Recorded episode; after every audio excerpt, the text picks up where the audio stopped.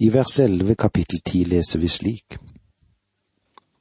Han sa til meg, Daniel, du som er elsket av Gud, gi akt på de ordene som jeg vil tale til deg og reis deg opp igjen. For nå er jeg sendt til deg. Mens han talte slik til meg, reiste jeg meg skjelvende opp. Her ligger altså Daniel utstrakt på jorden. Han er helt utslitt og gjennomrystet av synet han nettopp hadde sett. Så blir han hjulpet opp på alle fire, og der står han på sine to ben. Du som er elsket av Gud. Igjen blir Daniel minnet om at han er høyt elsket av himmelens Gud. Det er ikke dumt å ha et renommé i himmelen, Tenk at du er høyt elsket. I versene tolv og tretten. Da sa han til meg, Vær ikke redd, Daniel, for fra den første dag du satte deg for å vinne forstanden ydmyke deg for din Gud, er dine ord blitt hørt. Og på grunn av dine ord er jeg kommet. Fyrsten over Perses rike gjorde motstand mot meg i 21 dager da kom Mikael, en av de fremste høvdingene, og hjalp meg. Jeg forlot ham der hos perserkongen. Her løftes det et slør bort for et øyeblikk, og den åpenbare den himmelske åndskampen som er i gang. Disse versene avslører at det er mer når det gjelder vårt univers enn det vi kan se med våre øyne.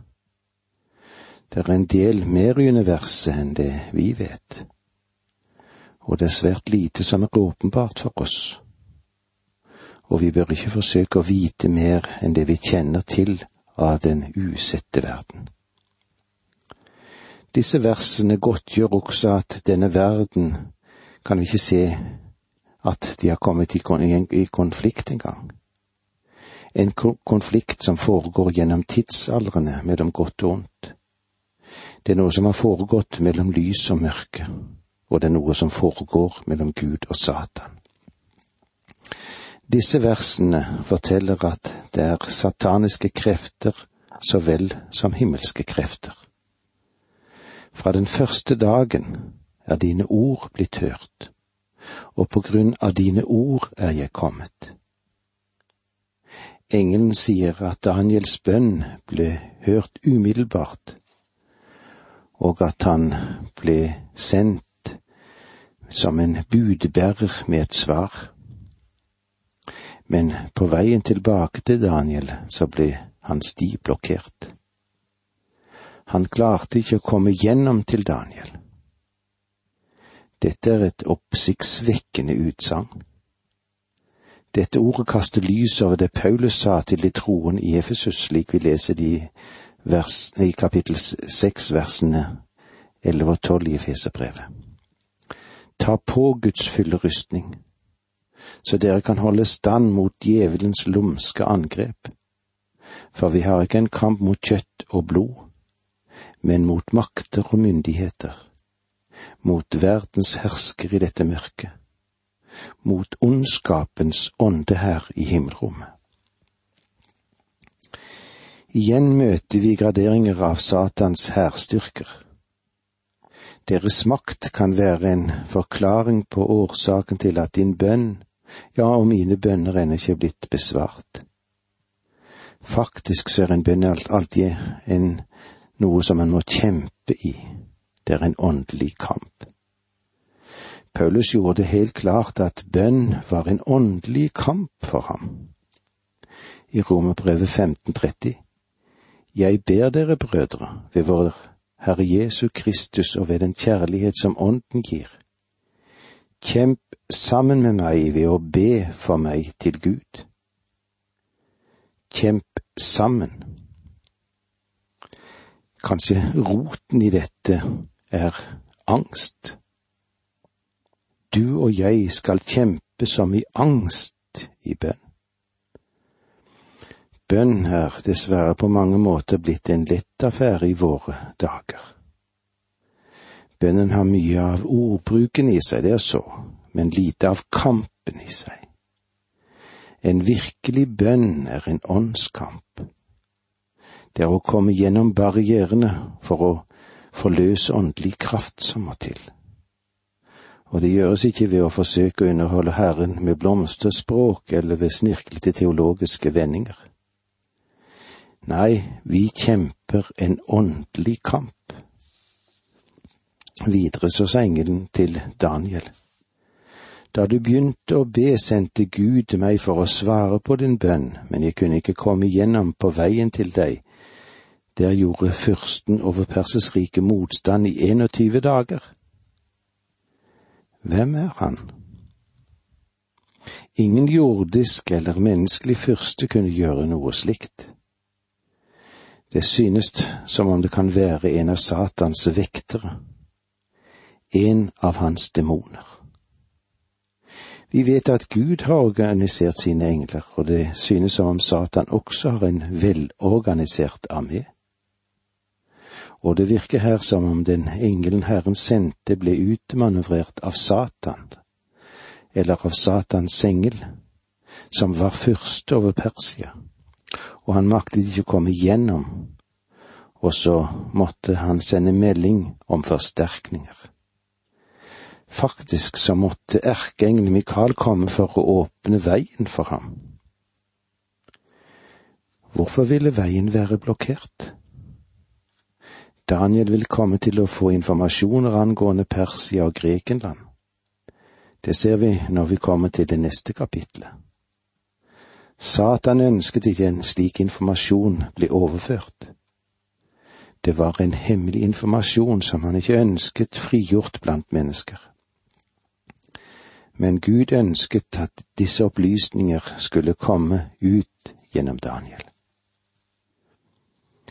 Da kom Mikael, en av de fremste høvdingene, og hjalp meg. Jeg forlot ham der hos perserkongen. Her var det en åpenbar konflikt som involverte persekongen. Husk endelig på at Daniel var i Persia, og det trengtes en himmelsk forsterkning. Dette var omkring den tiden da Daniel ble kastet i løvehulen. Du forstår at Herren var aktiv på Daniels side uten at han visste noe om det. Vi trenger å være fullstendig klar over som troende at vi befinner oss i en åndelig kamp. Det er overraskende hvor mange ganger djevelen forsøker å klippe over vårt bønneliv. Kanskje en av årsakene til at bønnemøtene kan bli så lite engasjerte til sine tider, og det vi fremfører noen små pip. Noen nett rette bønner uten å være oss bevisst om at det er et slag som foregår. Det er en krig som vi må kjempe i for å vinne. Paulus han nevner dette igjen i 2. Korinterbrev 10, versene 3–5.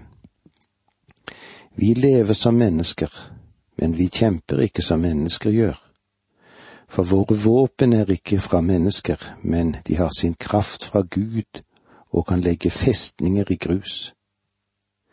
Vi river ned tankebygninger og alt stort og stolt som reiser seg mot kunnskapen om Gud. Og vi tar hver tanke til fange under lydigheten mot Kristus. Vi står klart til å straffe all ulydighet så snart dere har nådd fram til full lydighet. Det kristne livet er et større foretak enn noen av oss til sine tider har drømt om. Både du og jeg trenger å være våkne for hvor mye vi egentlig trenger av Den hellige ånds kraft i våre liv, og hvor mye vi trenger Kristi nærvær. Vi trenger å bli mer våkne for at vi er engasjert i en åndelig krigsføring. Tenk igjennom dette til vi møtes igjen neste gang. Takk for nå, må Gud være med deg. Dette undervisningsprogrammet består av to deler. Åge Nevland fortsetter nå med andre del av dagens undervisning. Vi er i Daniels bok, i det tiende kapitlet, og eh, vi er til stede i den veldige kampen som Daniel må gå igjennom. Og kanskje òg den kampen som vi alle sammen bør gå igjennom. Vi leser i det fjortende verset i kapittel ti. Er jeg kommet for å la deg få vite hva som skal hende folket ditt i de siste dager. For dette er enda et syn som gjelder de dagene. Dette er nøkkelen som åpner døren til å få en forståelse av resten av Daniels bok. Og eh, det er tre forhold som fremheves i dette avsluttende synet. Synet gjelder altså det første synet gjelder ditt folk. Jeg tror at vi ganske klart kan henføre denne profetien til Israel. Det er dette folket som står i fokus. Om noen forsøker å tolke dette på noen annen måte, så blir både språk og setningsbygning meningsløs. Ditt folk, ditt folk, det betyr Israel. Det andre vi skal se på er dette skal oppfylles i de siste dager. Dette plasserer fullbyrdelsen av profetien inn i rammen for de 70 ukene som er tiden for den store trengselen. De siste dagene henviser denne visjonen til slutten av denne perioden. Og så har vi det tredje punktet, da. Dette er enda et syn som gjelder de dagene. Dette understreker at det er en lang tidsepoke som er fanget inn her. Ikke bare i fullbyrdelsen, men før dette synet vil være avsluttet. Nå kommer vi til de to sidene av synet. Den historiske del. Den var profetisk da synet ble gitt, men nå er den fullbyrdet. Og den profetiske del, som enda ikke er fullbyrdet. Daniel har fått visshet og styrke i sin forståelse. La oss se i versene 15 og 16. Mens han talte til meg på denne måten, vendte jeg ansiktet mot jorden og sto målløs. Men se, en som lignet et menneske, rørte ved leppene mine. Da jeg åpnet munnen, kunne jeg snakke, og jeg sa til ham som sto foran meg, Herre, synet har tatt slik på meg at all min kraft er borte. Dette hadde en kolossal virkning på Daniel rent fysisk, slik som det er blitt gjenfortalt her. La oss lese videre versene 17 og 18. Hvordan skulle jeg, min Herres ringe tjener, kunne tale med en herre som deg? Kreftene svikter, og jeg orker ikke lenger å puste. Han som lignet et menneske rørte ved meg ennå en gang og styrket meg, han sa, Vær ikke redd, du som er elsket av Gud. Fred være med deg, vær frimodig og sterk og mens han talte med meg, fikk jeg styrken tilbake, og jeg sa, Tal, Herre, for du har styrket meg. Når jeg hører om mennesker i dag som forteller at de har hatt et engelsyn, men det synes ikke de har hatt den virkningen på dem, så jeg er straks klar over at noen engel kan det ikke ha vært som har vært der, eller de har fått lov å se. Den opplevelsen å se en engel hadde en kolossal virkning på Daniel, selv om han sannelig var vant til å ferdes på de himmelske stier i et tett og nært fellesskap med Gud. I vers 19 står det slik.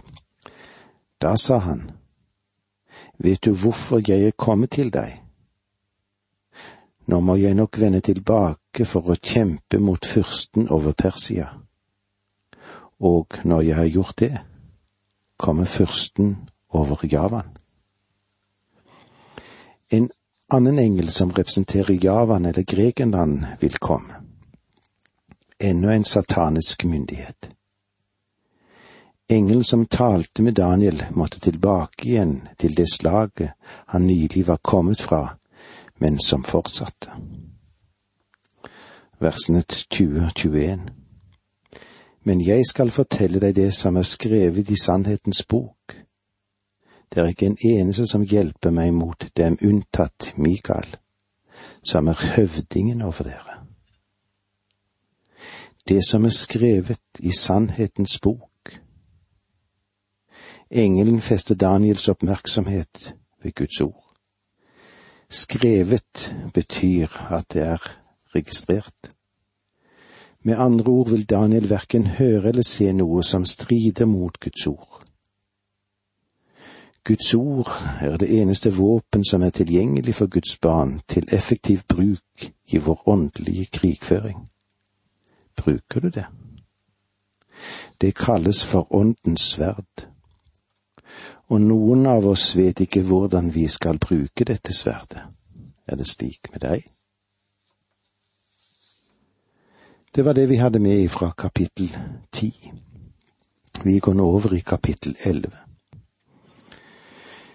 I dette kapitlet kan vi kanskje sette som tema profeti angående Persia og Grekenland.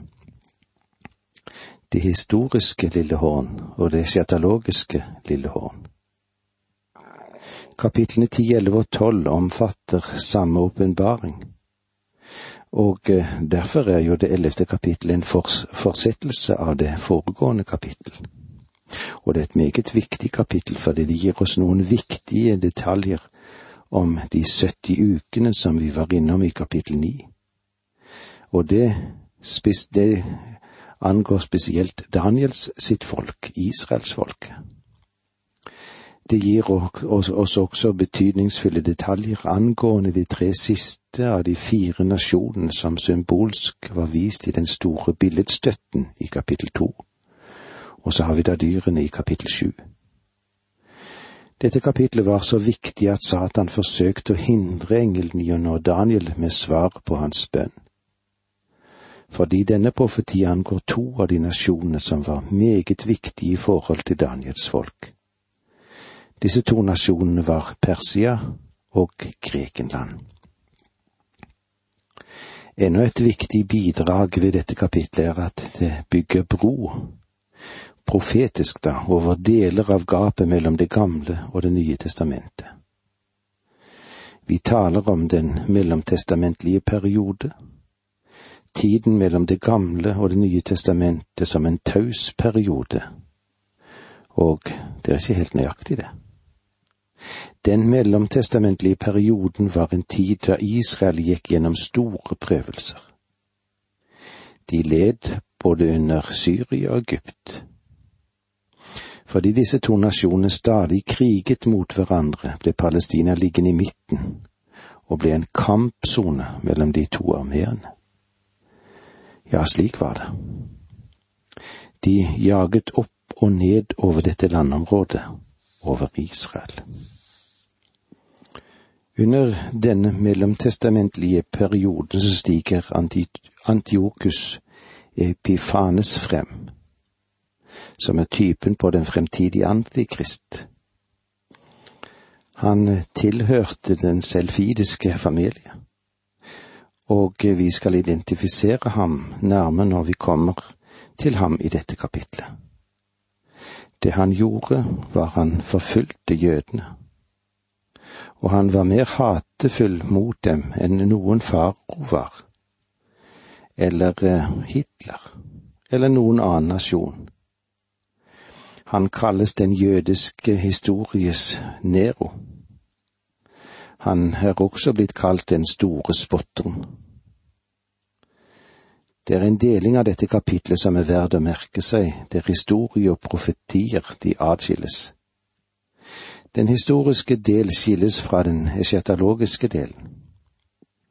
Husk at alt dette tilhørte fremtiden da det opprinnelig ble skrevet, men deler av det er nå fullbyrdet. Denne profetien er ganske komplisert og går inn i profetiens kjerne.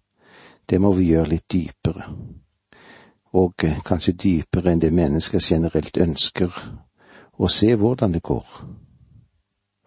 De aller fleste synes å begeistres over det sensasjonelle ved profetiene. Men de ønsker egentlig ikke å grave seg dypere ned i Guds ord og se hva ordet virkelig sier. Men om du er en av dem som gleder deg over å grave dypt og detaljert ned i studier når det gjelder profetiene, så vil denne delen av Guds ord fengsle deg, og den vil være stor for deg. Visjonen i kapittel ti, den fortsettes altså. Denne profetien bygger en bro over det mediske persiske riket, over til Hellas, og fra Asia til Europa. Det forteller om overføringene av verdens makt fra det ene kontinent til det andre, fra øst til vest. Husk at profetien gjelder Daniels folk. Den var spesielt viktig for Israel fordi de ville bli fanget i en klemme mellom disse forskjellige maktene. Og eh, dette skulle bli en epoke som innvarsler store lidelser for dette folket. Og det var så langt vi kom i dag. Takk for nå, må Gud være med deg.